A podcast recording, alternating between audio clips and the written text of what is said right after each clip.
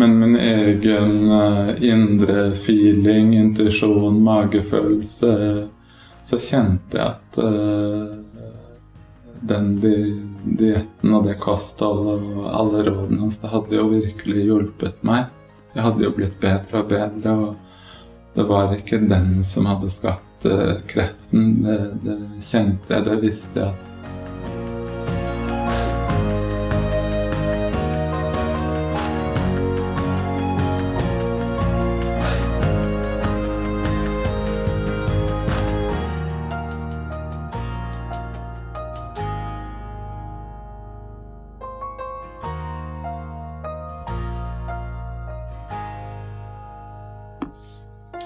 Hei, hei.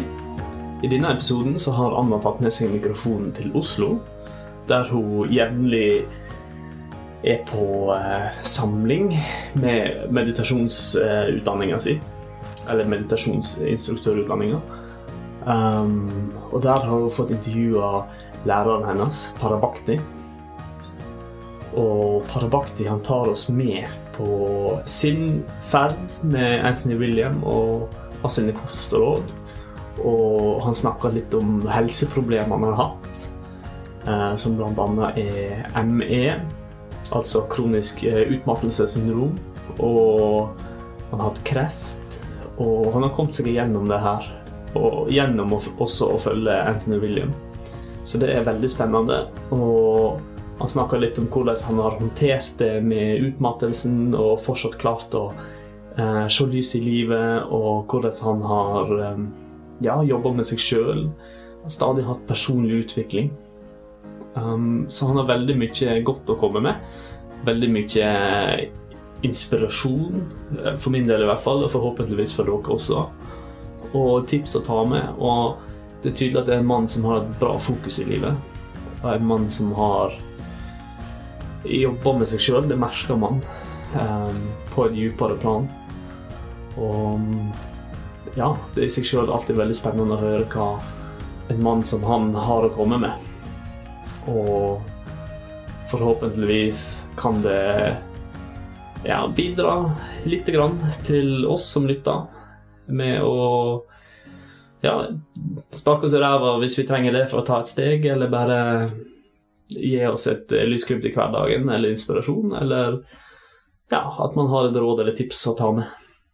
Så det her er absolutt en episode som er verdt å lytte til. Det er vel egentlig bare å hoppe i det og høre hva Anna og Parabakti har å si. Og så vil jeg også nevne at um, det innimellom kommer det litt bakgrunnsstøy. Fra, spesielt fra motorsykkel og kanskje en bil eller to. Men når det kommer, så er det også noe som forsvinner. Uh, så det varer kanskje et minutt eller to Um, ja, så det Da vet dere det, og så vet dere at det ikke varer så veldig lenge. Så håper jeg at det går bra. Så eh, god lyttings. Ja, Parabakti, tusen takk at du har tid. Jeg ja. gleder meg skikkelig til å spørre deg litt og snakke litt. Så bra. Jeg sa jo nå Parabakti. Um, ditt norske navn er jo egentlig Ragne, sant? Mm -hmm, stemmer. Har du lyst til å forklare oss litt hvor parabakti kommer fra, og hva det betyr? Mm -hmm. Parabakti det fikk jeg når jeg tok mine munkeløfter. Så i den tradisjonen jeg nå har min lærer, så uh, pleier vi at vi dedikerer oss på den reisen å ta munkeløfter. Ikke munkeløfter i gammel, tradisjonell forstand at vi må leve sølibat og trekke oss unna verden, men eh, som en del av å dedikere oss til Gud, til livet, til noe større. Noe større enn bare lille, atskilte, separerte selv, seg selv. Uh, og, og, en dedikasjon til å tjene menneskeheten. Så det er veldig stor del, eller hvordan jeg lever livet mitt. At uh, uh, livet mitt er overgitt til noe større, og til å tjene noe større. Og det er en veldig inspirerende, god måte å leve livet på, for meg i hvert fall. Så når jeg tok disse munkeløftene, så fikk jeg navnet Parabakti, som betyr høyeste hengivenhet. Highest devotion. Det betyr på en måte hengivenhet til det guddommelige, for å si det sånn. Hengivenhet til det høyeste, det dypeste. Og når har du fått den? Eller det navnet? Det var i 2013, så det er syv år siden. Ja. Ja. Så du bruker det navnet? Ja, eh, i og med at jeg bor i Norge og relaterer med mange nye mennesker jeg møter, så bruker jeg en del ganger Ragnar fordi det er enklere når folk ikke kjenner meg, ikke vet hvem jeg er. Men folk som blir kjent med meg, så bruker jeg ofte mer og mer Parabakti. Mm. I hvert fall hvis det er meditasjonsvenner eller yogavenner. Ja. Ja. Mm. ja, Parabakti. Hvordan starter du dagen din? Det er jo som regel eh, Altså først har jeg bare sånn selv Eller eh, ja, jeg føler veldig sånn Anthony William-opplegg, så da er det først sitronvann bare som en del av å støtte kroppen litt. Det er sånn for å rense leveren og sånn. Og så er det jo meditasjon og, og yoga. Ofte kanskje jeg tar når jeg er blitt inspirert av Anthony William, kanskje jeg tar en sånn kalddusj først, for å bare vekke opp kroppen og system. Og så blir det jo yoga og, og meditasjon. Eh, så, og pust gjerne også. Så det er jo litt sånn å sette tonen for dagen, på en måte. Med sånn god, god praksis. Så det varierer jo kanskje litt hvor lenge jeg praktiserer, akkurat hva jeg praktiserer. Det kan være fra én time til to timer, noen ganger tre timer. Eh, Og selvfølgelig hender det at jeg har en dag der jeg ikke får tid til yoga eller meditasjon òg. Det kan jo også skje. Men eh, eh, det er noe jeg vektlegger å ha tid til, til yoga og meditasjon på starten av dagen. Mm. Mm. Det er sånn base, sant? hvordan man um, fortsetter dagen videre. òg. Ja. ja. Du sa nå at du følger Anthony William. Mhm. Um, hvordan og, og nå har du kommet i kontakt med Anthony William? Og ja, første, kanskje? Mhm. eh, det var fordi jeg hadde ME-symptomer. Eh, så jeg hadde utmattelse i flere år, og alle de medfølgende symptomene med ME med sånn oppblåst, rar mage og fordøyelse. Eh, sånn like soppinfeksjonsting her og der. Eh, leddplager. Eh, ulike sånn hofte, kne, leddplager. Eh, og så først og fremst så utmattelse. Det var jo det mest utpregede, selvfølgelig, eh, når man har ME. Også litt sånn svimmelhet og rarhet. Sånn hjernetåke snakker man jo noen ganger om. Eh, litt sånn rar pust en del ganger kunne jeg oppleve fra tid til annen. Ulike, sikkert flere symptomer jeg glemmer nå, også sånn ME-relaterte symptomer. Og så opplevde jeg at jeg levde allerede veldig bevisst i forhold til at meditasjon og, og yoga har vært det viktigste i livet mitt de siste 20 årene. Og så følte jeg at eh, det var ikke noe ubevisst i meg eller undertrykte følelser eller sånt som skapte min helsetilstand. Jeg følte at jeg hadde tatt vare på den biten. Jeg levde ikke eh, på det tidspunktet et liv fullt av stress heller. Eh, så jeg følte at eh, ok, den biten er ivaretatt. Kanskje får jeg se om det er noe jeg kan gjøre på det fysiske plan. Eh, Fram til da så hadde jeg følt at det finnes utrolig mange ulike helseteorier der ute, så jeg orker ikke å gå inn i den verdenen. Jeg tenkte sånn at jeg får lytte litt til kroppen så godt jeg kan. Prøve å leve sånn naturlig sunt uten å liksom gå veldig inn i den ene eller andre filosofien, for å si det sånn. Men når jeg bare ble dårligere og dårligere ettersom tiden gikk, så følte jeg at jeg bare måtte prøve å studere noe. Uh, og gjøre bare en ekstra innsats og prøve ut ulike ting og tang. Så jeg prøvde jo ut mange ulike ting og tang, egentlig. Jeg har vært mye i India, så da har jeg prøvd ut en del ayurveda, gjort ulike sånn panchakarma, renselse, uh, fulgt ulike tips fra juridiske leger. Og jeg følte ikke at noen av de tingene hjalp meg. F.eks. denne panchakarmaen å drikke store mengder gi, sånn uh, renset smør om morgenen og sånn, som man gjør på panchakarma. Jeg følte ikke at det hjalp meg noen ting. Uh, så det ble ikke noe bedre av. Uh, så litt i etterkant av det så var det flere som kanskje foreslo, siden jeg hadde litt sånn soppinfeksjon, at kanskje jeg hadde sånn candida overvekst. Mm. Så da tenkte jeg at ok, da får jeg lese om det, og en del av symptomene som folk sier kommer med candida-overvekst, er på en måte lignende symptomer som litt sånn med at man har lite energi og oppblåst mage og sånne ting. Så ok, det stemmer jo, da får vi prøve ut dette. Så da prøvde jeg det svært dedikert i et halvt år. Virkelig dedikert. Og uh, spiste masse egg og lite stivelse og, og sukker og, og, ikke noe sukker og sånne ting. Og det ble heller ikke noe bedre av. masse egg. uh, mm. Så jeg husker jeg kom til sånn retreatstedet mitt i Spania en gang litt sånn mot slutten av den perioden. Jeg var sånn grå. en måte Rent fysisk og energien min var helt sånn grå og utslitt. Eh, så underviste jeg en retreat i Sverige, en meditasjonsretreat.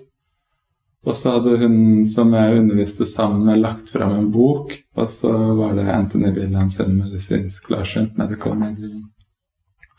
Boken, og så tenkte jeg først sånn Dette virker som det er litt på siden av temaet for en meditasjonsretreat. Hvorfor har hun lagt fra denne boken? Men ble, den lå liksom der vi satt når vi spiste lunsj og sånn, og kunne liksom bla i den da, så jeg ble noe sånn at jeg leste og bladde litt i den. Og eh, da skrev han jo i den boken om ME, så da var jeg nysgjerrig på å lese. Og eh, når han forklarer da hva som ligger bak MS, så var det veldig spennende for meg, fordi nødvendigvis hadde jeg jo reflektert veldig mye, fundert veldig mye. Hva er det som ligger bak det? Når du går rundt, du er sliten hele tiden, du har masse rare symptomer. Du går selvfølgelig til legen, og legen finner ingenting. Alle blodprøver og alle tester viser at Nei, det er alt er normalt. og det er så mange som har sånne erfaringer. Virkelig mange. Så da lurer man på hva, hva er det som foregår? Hva er det som skjer? Når da Anthony William forklarer hva det er som foregår, så var det svært spennende. Virkelig. Og ikke bare det, men han kommer med konkrete, praktiske tips og råd hva man kan gjøre. Og det var en magefølelse at dette virker spennende. Det var ingen som noensinne før har forklart meg hva som ligger bak. Og det var en magefølelse at dette følte jeg det var noe i, de tingene han forklarte. Han forklarte at det var noe fysisk bak, som jeg jo opplevde selv. ikke sant? At øh, med mine 20 eller så mange års med fordypning, da, så opplevde jeg at det var ikke noe mentalt eller undertrykt i meg som manifesterte. Dette var noe veldig fysisk. Det resonnerte i meg. Og det er nok så mange andre av oss, tenker jeg, som kanskje møter en sånn opplevelse eller erfaring. Man går til legen, de finner ikke noe galt, og man lurer på er det liksom noe mentalt eller noe annet feil med meg, eller sånt. Siden det, virker litt sånn uforståelig. Så da gikk jeg svært helhjertet inn i å prøve hans råd, siden det virket interessant. Magefølelsen sa yes. Og jeg følte en god følelse fra første øyeblikk, så dette var nå tre år siden.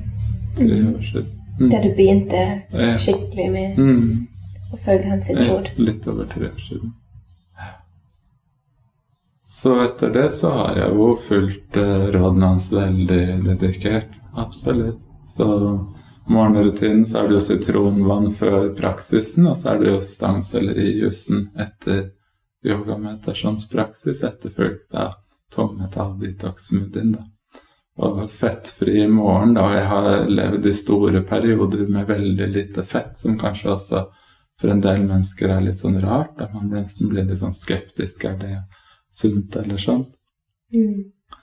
Men uh, i forhold til å rense, så opplever jeg det svært uh, uh, støttende for å rense når jeg har lite fett. Det er klart, det er jo eh, En del tenker sånn i forhold til nervesystem og sånt, kanskje det eh, trenger litt fett eller sånt. da. Hjernen trenger fett og sånn. Men uh, i perioder trenger man jo litt fett, og særlig sunt fett. Kanskje avokado, valnøtter og litt frø eller litt sånne ting. Men, men det har nok støttet min renselsesprosess. Og eh, nå driver jeg en del med sånn Wim Hof-pusting, som jeg opplever veldig sånn rensende og, oppbyggende også, som handler om å eh, gi oksygen på en måte til blod og cellene i kroppen og støtte det hjerte-karsystemet og øke oksygenomsetningen i blodet og cellene.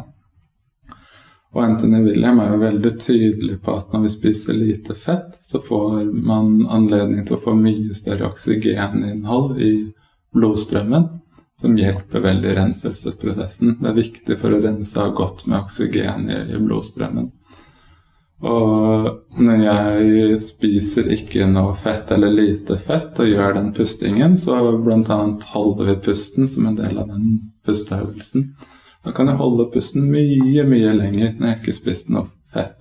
Mm. Fordi det er oksygenopptaket og, og omsetningen i blodet mye større. Så det merkes. Jeg liksom observerer det, erfarer, jeg gjør mine egne erfaringer veldig tydelig. Og det er spennende. Jeg har alltid vært sånn type at jeg har likt å gjøre mine egne erfaringer. Ja. Syns det er veldig spennende fordi du har jo sånn god bevisst, har jo skapt sånn sterk bevissthet allerede. Sånn at du også kunne si at nei, det er ikke noe sånn mentalt, eller det er noe fra gamle uh, tider.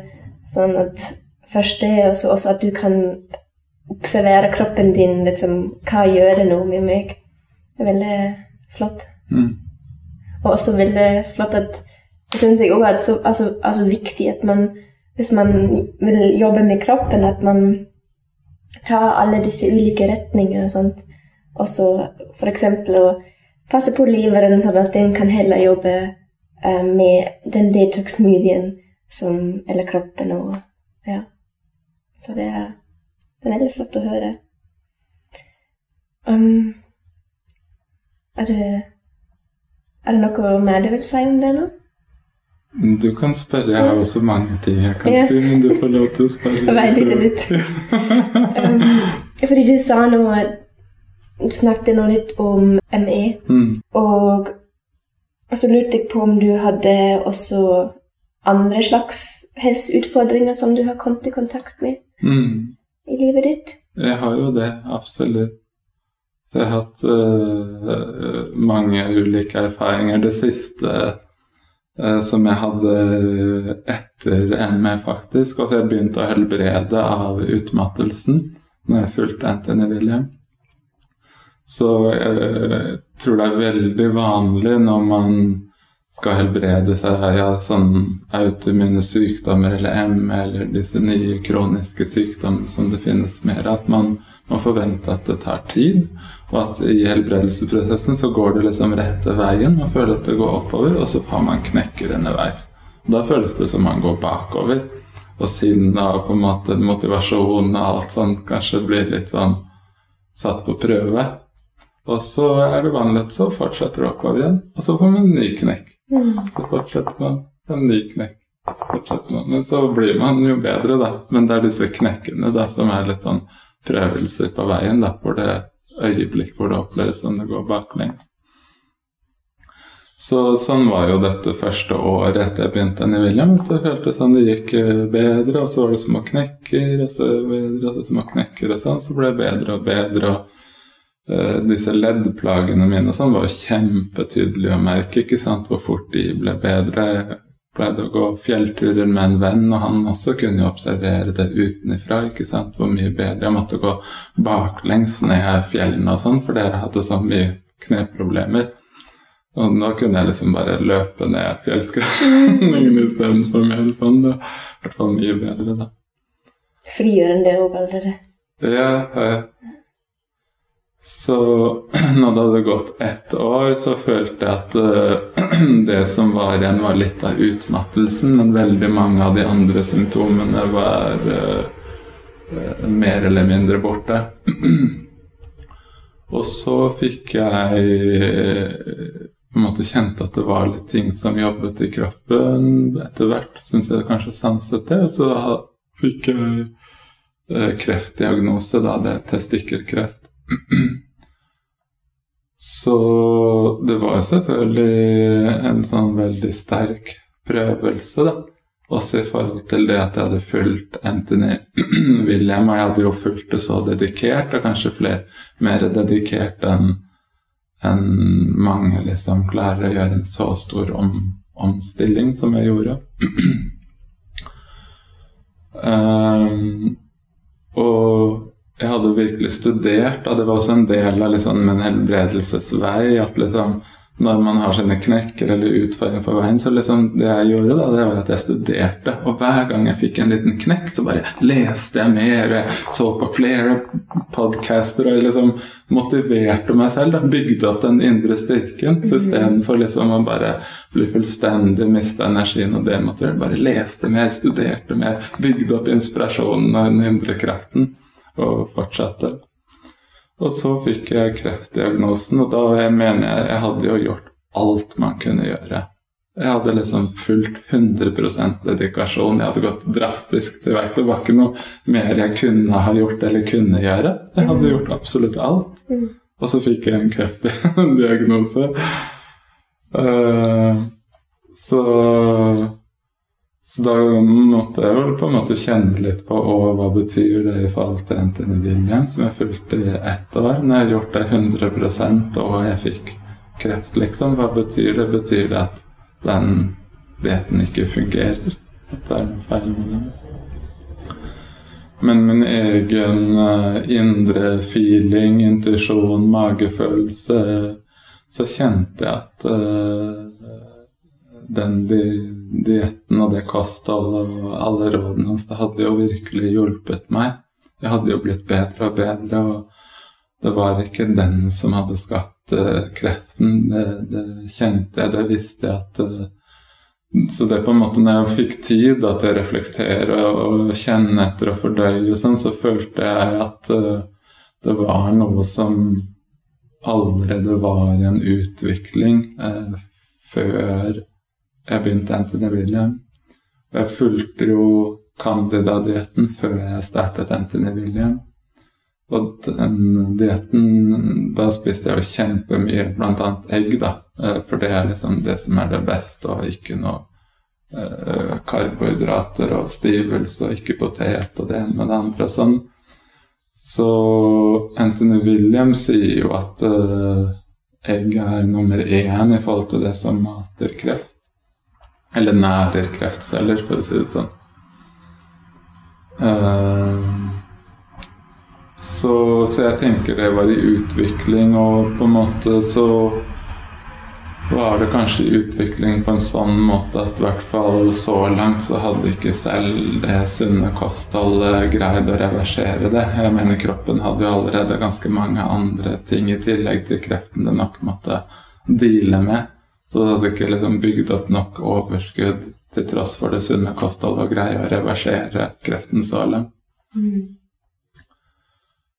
Så da valgte jeg også å gå for cellegift fordi jeg allerede hadde gjort alt jeg kunne i forhold til kosthold, og svært gode prognoser da, i forhold til overlevelse med cellegift på testikkelkreft.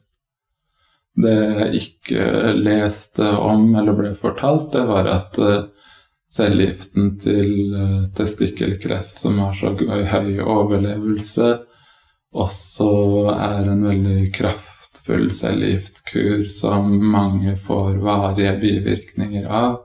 Det snakket man ikke så høyt om. Man snakket om overlevelsesraten. Mhm.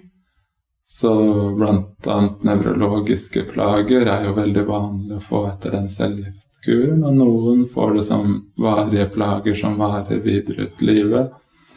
Og andre på en måte så helbredes det. Eh, Og flere får utmattelse som bare varer videre, som blir på en måte etablert. Så det var jeg jo særlig bekymret for, i og med at jeg hadde jo hatt utmattelse før cellegiften. Så får jo folk utmattelse av cellegift. Eh, Så man vet jo aldri helt hvorfor på en måte man erfarer de ting man erfarer. Hvorfor eh, livet gir en alle de erfaringene man får. Men fordi jeg har møtt flere sånne erfaringer. Jeg har møtt døden flere ganger, mer enn det vi har pratet om nå også. Og uh, gjennom ja, ulike store utfordringer og traumeopplevelser og møte døden og sånn, så har jeg vel lært meg, fordi jeg også har greid å komme gjennom det og komme ut på andre siden, så har jeg lært å se ting i et større perspektiv, et større bilde, og jeg har alltid funnet en form for vekst, selv om det har vært lidelse også involvert, eller smerte involvert så har det skjedd en indre fordypning. Eh, kanskje noe av de største eller viktigste indre fordypningene som har skjedd i de utfordringene, er at jeg virkelig har kommet i dyp kontakt med hva som er viktig i livet. Hva som er essensielt for meg i livet. Eh, hva som er meningsfullt i livet.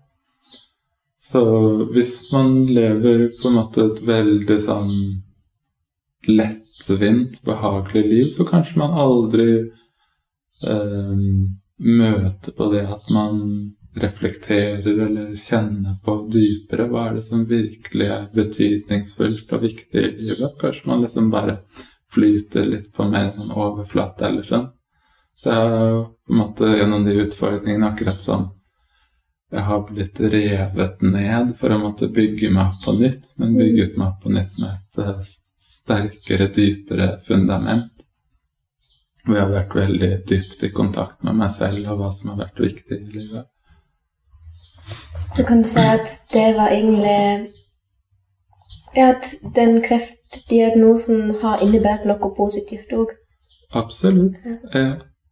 Så når jeg hadde levd så rent, da for jeg hadde fulgt Anthony William i ett år, så var jeg på en måte i den forstand med hva jeg hadde gitt til kroppen og sånn, utrolig ren. Selvfølgelig var det jo urenheter i form av kreftcellene og gamle giftstoffer, men på mange måter veldig rene òg, da. Så når jeg da fikk cellegiften, så var det en utrolig kontrast da, i forhold til hva jeg hadde tatt inn og gitt til kroppen i det året. Og, og den BEP-cellegiftkuren er jo veldig hard, sånn at da ble jeg utrolig dårlig. Og så dårlig at jeg følte at jeg ikke visste om jeg ville overleve. Og skulle jeg overleve, så følte jeg meg så dårlig og så tatt frarøvet all livsenergi og kraft at det, med så lite livsenergi og kraft, så var det liksom ikke noe liv igjen, for å si det sånn. Sånn som jeg opplevde meg på det verste etter den første cellegiftkuren. Så det var et veldig møte med døden, da. Jeg både visste ikke om jeg ville overleve, eller om det var noe liv igjen å leve på et vis. Så det var jo veldig sånn sterk eh, Hva skal man si Ja, lidelse kan vi jo si, da. Eh, men så Eh, jobbet jeg på et vis, eller det var ting som jobbet i meg innvendig i det, og så var det en sånn indre prosess, en indre overgivelse som skjedde, hvor uh, til slutt For jeg bare lå ned og var jo helt ferdig sånn, og så bare innvendig, så der jeg lå, så liksom bare la jeg meg selv på Guds alter. Sånn på en måte eh, kjente jeg det på et vis, og bare overga meg til Gud eller til livet. Og eh, det var noe veldig dypt innvendig, og da endret hele prosessen seg. og selv om det fortsatt var i fysisk forstand mye smerte og lidelse, så var ikke det lidelse på samme måte lenger. Jeg kunne også ha flere gode øyeblikk og bare gjenkjenne Guds skjønnhet. Skjønnheten i Guds skaperverk midt i den fysiske lidelsen. Fordi det var skjedd en sånn overgivelse. Passer jo også veldig bra med navnet ditt. Ja. Parabakti. Mm. Mm. Så det Jeg har jo når jeg har møtt jeg har døden flere ganger og sånn, også møtt på det med frykt. Frykt for døden og sånn. Og det er akkurat som også gjennom flere sånne opplevelser det, I starten, de første opplevelsene var det veldig sterkt. da. Den siste opplevelsen, cellegiftopplevelsen, så var ikke frykten like sterk. Og i den overgivelsen så var det mye som den liksom forsvant enda dypere. Mm. Så det er også sånn at uh, jeg merker at det er mindre frykt igjen, på en måte. Uh, så det er sånn ulike sånn skall, eller hva man kan si, som litt sånn blir skrelt litt bort en del ganger òg, da. Mm. Så på en måte da, så opplevde jeg det som en slags, på et vis, på ett plan, det er en slags renselse òg. På fysiske plan så var jo cellegiften og kreften eh, veldig gift, da. Men på ett plan så var det også en slags renselse i, i helheten av den opplevelsen. Mm. Spennende. Takk for at du deler det så åpent. mm. Føler du at du har overkommet um, ME eller kreft òg, eller jobber du fortsatt med, med saken? Jeg føler at eh, jeg fortsatt er i en rense- og gjenoppbyggingsfase. Um, fordi når man har ME, så har jeg jo lært gjennom Anthony William at kroppen og leveren er veldig fulle av giftstoffer. F.eks. så har jeg også hatt sånn Renauds syndrom, hvor man får sånne hvite fingre når man blir litt kald eller sånt. Som man også forklarer er jo sånn tegn på at leveren har vært full av giftstoffer i mange, mange mange år, sammen med Epstein-Barr-virus, eh, som er jo forklarende årsaken bak eh, ME.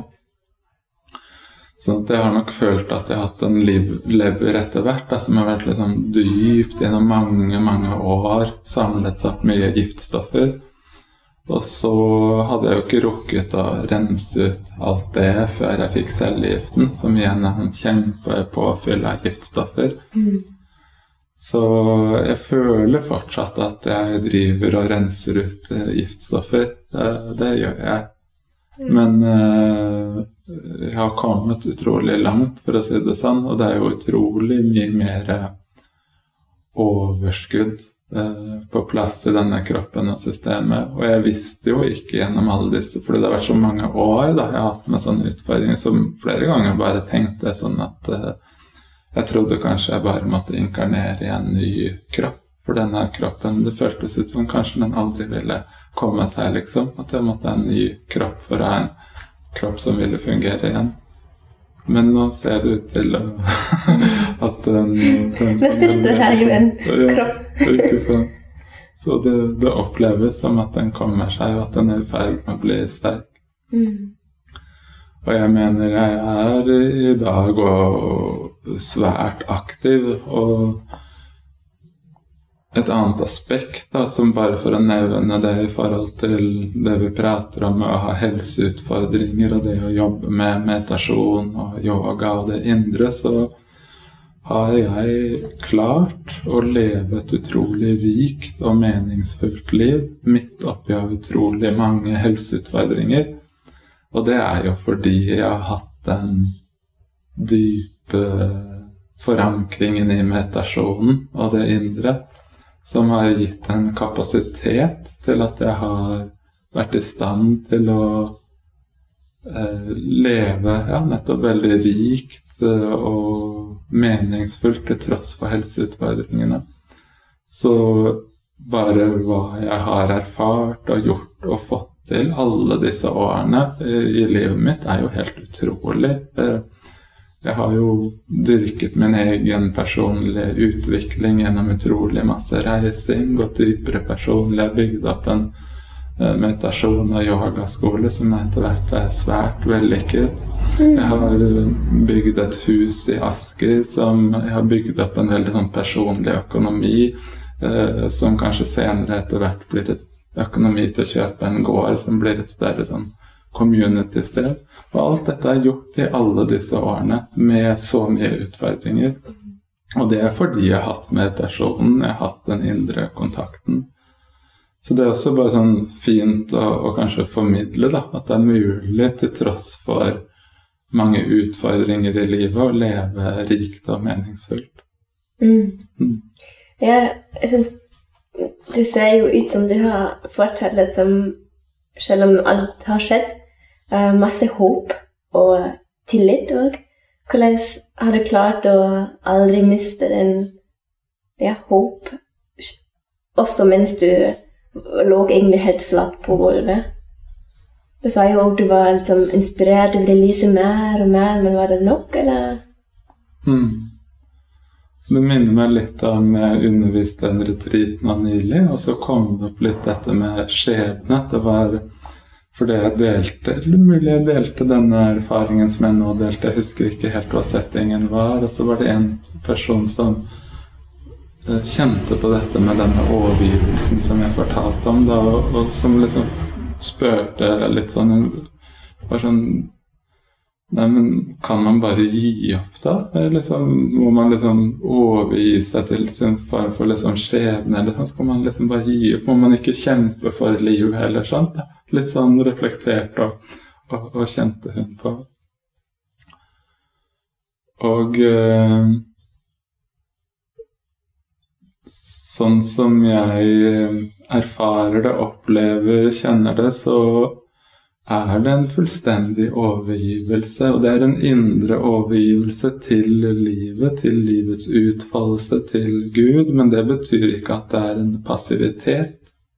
Så jeg har jo vært, ikke sant, veldig eh, levende og veldig eh, utforskende i forhold til å finne måter å sirkulere min egen energi på, også i helseutfordringene. Så det har jeg også følt i forhold til en helbredelsesreise. Så er det noe med å ikke stagnere. Eh, man kan overgi seg selv til det man erfarer, men det trenger ikke å bety noe passivt. Man kan fortsatt finne måter å jobbe med sin egen helbredelsesprosess på. Finne måter å sirkulere sin egen energi på så man ikke stagnerer. Så når man har veldig lite energi, som jeg har erfart veldig mye, så må man jo være veldig sånn eh, sensitiv og lytte og kjenne etter å balansere. At man ikke pusher seg selv, eh, men at man ikke stagnerer. Så det er noen ganger vært for meg en sånn der å balansere på en knivsegg, egentlig. Veldig mye har følt den balansen med en knivsegg. Ikke pushe meg selv, ikke stagnere. Ikke pushe meg selv, ikke stagnere. Men det er også veldig sånn levende, da. Veldig spennende. Og når jeg liksom reiste til India, når jeg har vært i M og så sliten, ikke sant, så har det vært veldig på den derre Det er ganske India er et litt sånn spennende land og med mye forskjellig som skjer. Og han er så litt sånn sensitiv og skjør i kropp og nervesystem og reiser litt veldig sånn. Men så har det vært liksom hjertet mitt, livet mitt, det har vært å si ja til livet. Så det har vært viktig for meg å si ja til livet selv om jeg har hatt utfordringer. Ikke stoppe opp det å leve. Mm. Mm. Et um, praktisk spørsmål òg, fordi du var jo på sykehuset da, sant? Med, mens du hadde kreft.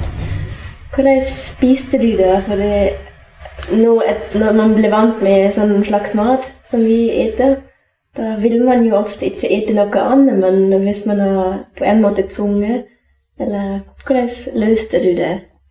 Hva gjorde du da? Jeg hadde jo med både blender og jusmaskin på sykehuset. Så jeg lagde meg jo stangsellerijus når jeg lagde med smoothien min og, og alle disse tingene. Mm. Mm. Sitron og annet. Ja, Så spiste jeg masse papaya. Så jeg hadde folk som liksom kom oh. og leverte papaya til meg og sånn. Så man får veldig sånn forstoppelse da, av cellegiften. mhm. Og så gir det jo veldig mange nevrologiske plager. Så da så kjørte jeg på med papaya da, for å hjelpe forstoppelsen av, av de nevrologiske plagene. Så bra. Mm. Så det er mulig. Mm. Alt er mulig. Det er jo sånn når man lever og er seg selv, og så kanskje man påvirker folk rundt seg òg, ikke sant? Ja. Så det tar jo tid å endre en kollektiv hva skal man si, tankemåte eller sånt. da. Eh, Men hvis liksom flere og flere på en måte viser at man gjør ting på en sånn og sånn måte, og sykepleiere og leger får en feeling at «Å, det der virker jo litt inspirerende, eller sånt, så liksom gradvis så Ja, i hvert fall var det et eksempel på at jeg gjorde ting på en sånn levende, sunn måte i forhold til hva jeg tenkte var sunt. da. Ja. Mm. Har, du, um, har du fortsatt av og til sånn aku akutte MS-symptomer eller smerter? Eh, Jeg har jo at jeg kan bli sliten fortsatt. eh, Akutt, hva skal vi si. Og så det jeg nok kjenner nå, er at jeg føler det har veldig sammenheng med renselse. For jeg føler fortsatt at jeg er laga av renselse. Og jeg eh, har jo alle disse tingene jeg gjør. Så siden jeg tar og drikker en liter stangsellerijus om morgenen, så kjenner jeg at da får jeg ofte en litt reaksjon i etterkant og kan bli sliten. Ja. Men du, du har ikke noe som Hvis du føler på smerte, f.eks. At du har en slags rutine, sånn at du, du tar imot din smerte bare, eller spiser du noe spesielt som hjelper kutt, eller trenger du det ikke? Også, Det er veldig individuelt. Jeg har ikke hatt spesielt mye smerte med min ME. Det er andre som har det. For meg har det vært mer bare utmattelse.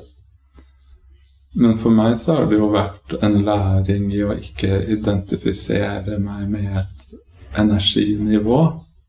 Så det har også vært en fordypning på min eh, selvutviklingsmeditasjonsvei. Altså vi er jo vant til å identifisere oss med hvordan vi føler eller kjenner oss. Når energien vår er vital, så liksom kjenner vi oss glad, og vi føler at livet er bra. Eh, Så da liksom tenker vi at ok, vi har det bra, og livet er bra når vi har god energi. Og så hadde jeg gjennom alle disse erfaringene hatt så mange erfaringer av ikke å ha en særlig vital energi. Eh, og jeg greide å lære meg å ikke identifisere meg like sterkt med det. Sånn at eh, jeg kunne kjenne en stillhet, en helhet, en fred eh, og en meningsfullhet, selv om energien min ville være helt nede. Det er jo noe som virkelig krever trening, fordi at når energien er nede, så vil det speile seg også i sinnet, i tankene. Tankene vil si at her er det noe feil. Eh, så det, for meg så er det da Det er sånn vi kan styre hva vi gir oppmerksomhet til. Da. Gir vi oppmerksomhet til, tank, til tankene som sier at denne opplevelsen er feil? Gir vi oppmerksomhet til energien som er helt nede, og på en måte blir helt identifisert med det? Eller greier vi å kjenne at det er en bakenforliggende stillhet, helhet, midt oppi en erfaring av å ikke ha energi, f.eks.? Men det er jo det er jo noe som krever en viss dybde, det, da. Mm. Mm. Ja, det minner meg også litt på når du fortalte at hebredelsen din jo, det går jo opp, men du har flere knekk. Mm. Og så kan man velge om man vil ha fokuset på knekken, eller at man har egentlig allerede kommet ganske langt opp. Ja.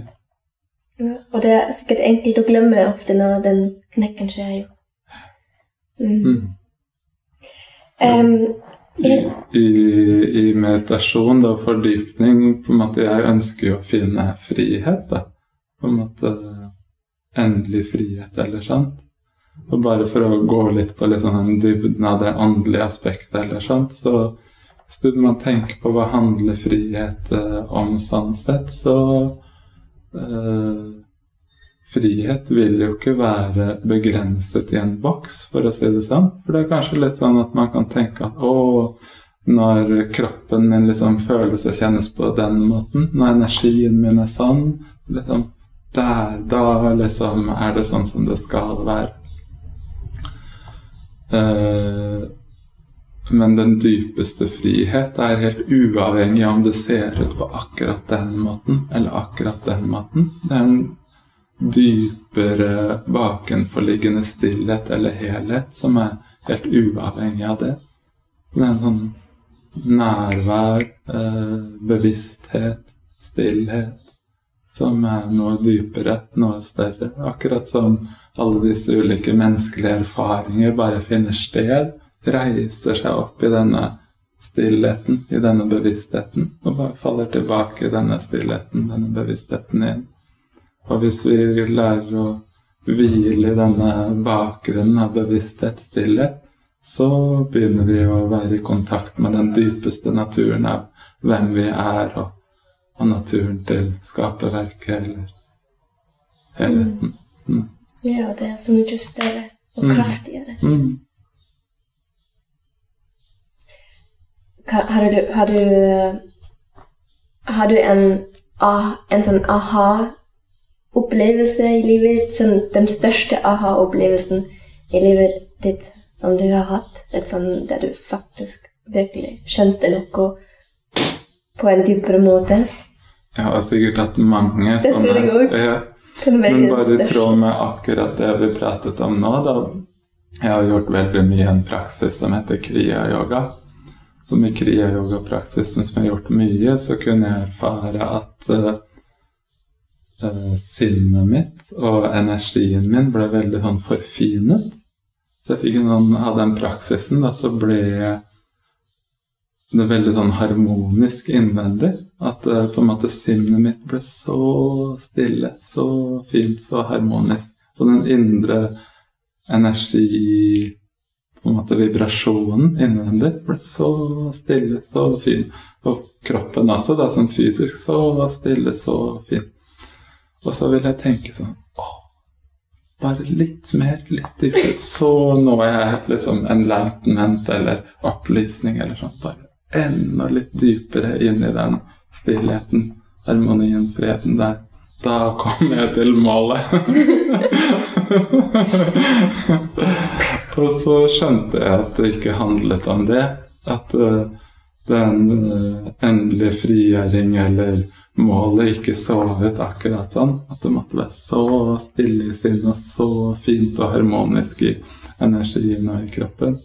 At det var å lage en slags boks for hva frihet skulle være. Mm. Mm. Takk. Ja, du sa noe um at du bruker kriya-yoga.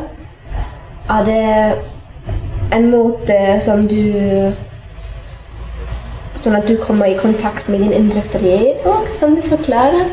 Eller har du ulike metoder som meditasjonsmetoder som du bruker? Ja, jeg har uh, mange ulike tilnærminger, så Eh, jeg tror vi alle Jeg opplever eh, Tenker at vi alle er forskjellige.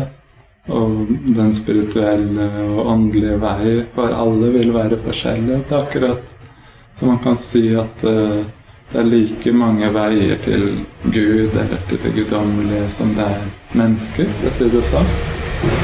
Så øh, hva var spørsmålet? Ja, om du har ulike metoder mm, eller meditasjonsteknikker.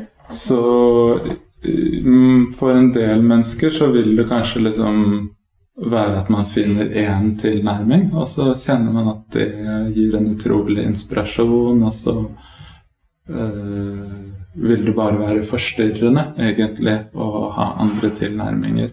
Så for mange så er kanskje det litt sånn veien. Men for meg personlig, litt sånn kanskje hvordan jeg fungerer, så har jeg hatt utrolig glede av mange ulike tilnærminger. Og uh, har nok også sydd sammen litt sånn ulike terapeutiske prosesser og arbeid og traumearbeid med meditasjon og yoga og, og den type arbeid. Gjort mye frigjørende pust. Så egentlig mye forskjellig. Eh, så det er litt vanskelig å, å bare si at én ting har vært min vei. Eh, ja. Mm. Og det å være del av et miljø og ha en sterk og god lærer, spirituell lærer eller meditasjonslærer, det har også absolutt vært en viktig del av det hele. Så det er mange ulike aspekter. Ja. Mm. ja, fordi man hører så ofte at um, det er liksom én vei, Altså så Mm. sånn man, skal man bare følge den. Mm. Men det er vanskelig for meg òg. Jeg har liksom ulike som jeg syns er spennende. Mm. Hvor ser du deg i ti år? Altså, jeg har jo hatt uh, i flere år nå at livet har gitt meg en uh, visjon om å kjøpe en gård eller noe lignende for å starte et uh, et sted som skal være litt sånn sted for helbredelse på alle plan. Litt sånn fysisk, psykisk, emosjonelt, spirituelt. Så eh, det er noe som er ganske sånn sterkt og, og levende. Eh, så det er noe som livet har bare gitt meg som en sånn inspirasjon, som en sånn, kanskje slags livsoppgave, noe jeg skal gjøre. Eh, og når jeg har hatt en enorm drive, vil jeg si, på å helbrede denne kroppen, dette systemet, så har det vært i tråd med denne visjonen at eh, eh, jeg har følt livet vil bruke meg som et instrument til å skape et slikt sted. Da. En sånn kurssted og et lite community i forhold til helse, meditasjon, mindfulness, yoga osv. Uh, så, så jeg ser jo at det tenker jeg kommer til å skje eh, etter hvert. Jeg ser jo også at meditasjonsskolen som jeg startet, den eh, ser ut til å utvikle seg mer og mer, og at jeg får ja, gradvis litt flere studenter, jeg setter opp litt flere utdanninger, og det ekspanderer. Gradvis kanskje tilknytter jeg meg flere personer, at ting gradvis En litt sånn gradvis oppbygging. Så jeg ser jo for meg at uh, livet vil bruke meg sånn. Jeg tenker sånn når man går gjennom store utfordringer, som jeg, vi har pratet litt om nå, så er det også en del ganger fordi man skal erfare ting for senere å være til hjelp for andre. Så det tenker jeg også er en nyttig ting hvis man selv går gjennom ulike utfordringer. at man liksom lurer på hvorfor går jeg gjennom dette, hva er meningen med det? Kanskje er det en egen personlig fordypning man skal få. Og kanskje er det at man skal erfare ting som senere gjør at man skal hjelpe andre ut fra de erfaringer, utfordringer man selv har gått gjennom.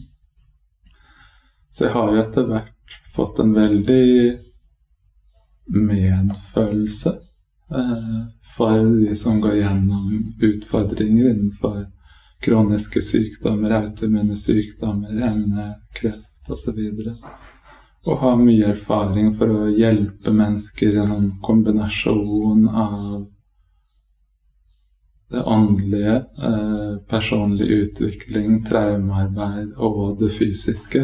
Eh, jeg tror jeg kan være en fasilitator og skape et eh, kunnskapsmiljø for eh, å hjelpe mennesker på en sånn reise. Definitivt. Det Mm. høres veldig flott ut Det, i showen din. mm. Hva syns du, Parvati, hva trenger verden mest nå? Planeten vår. Mm. Jeg føler jo at det er en veldig spennende tid vi lever i. Eh, og det er jo en veldig økende interesse og åpenhet, opplever jeg, for mindfulness. For yoga har det jo vært eh, en del år nå og blitt veldig populært. Og det er jo fordi dette trengs i verden i dag. Vi har hatt en veldig eh, materiell, vitenskapelig, teknologisk utvikling som må balanseres med en holistisk og etisk og spirituell dybde og forståelse. Sånn at det tror jeg rett og slett at det er liksom, rett og slett i det kollektive også en, en forståelse for det. Det er derfor denne økte interessen for mindfulness og yoga osv. Og, og så skjer det jo det at flere og flere får eh, kroniske sykdommer som legevitenskapen ikke helt har måter å hjelpe folk på i, i dag. Så det er akkurat som Hvem vet, kanskje på et eller annet plan blir det en del av det som nærmest tvinger folk til å komme dypere i kontakt og begynne å leve enda mer uh, helhetlig og bli interessert i å ta vare på økologi, spise mer økologisk, uh, både for sin egen kropp, men også på en måte at uh, vi ser hvor viktig det er å skape mindre forurensning, leve renere. Så jeg tror på en måte mange ting vil liksom sys sammen, og at disse tingene trengs i dag. Mm. Ja. Og det er jo også noe som forbinder oss alle. Så da det også Kanskje det oppstår mer og mer eh, medfølelse for hverandre òg samtidig. Mm.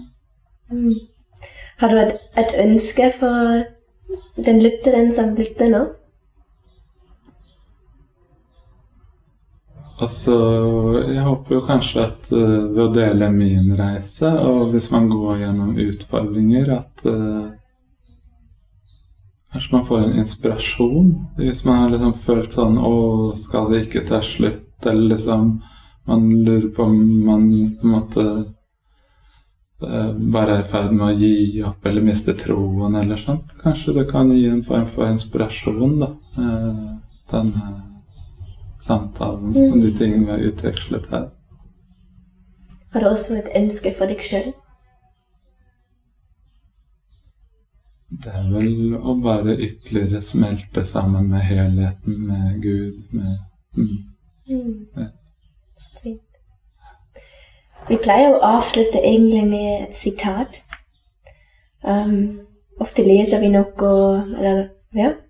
Men nå lurer jeg på Kanskje du har noe i hodet ditt? Kanskje det er noe ut av deg sjøl, eller noe du blir inspirert av? Um, når jeg avslutter med etasjon, så pleier jeg ofte å avslutte med en sanskrit-bønn, som betyr må alle vesener i alle verdener være lykkelige og fredfylte. Og på sanskrit sier vi om laka samasta sukino bhavantu. Takk. Mm. Det er en veldig fin måte å avslutte den fine samtalen.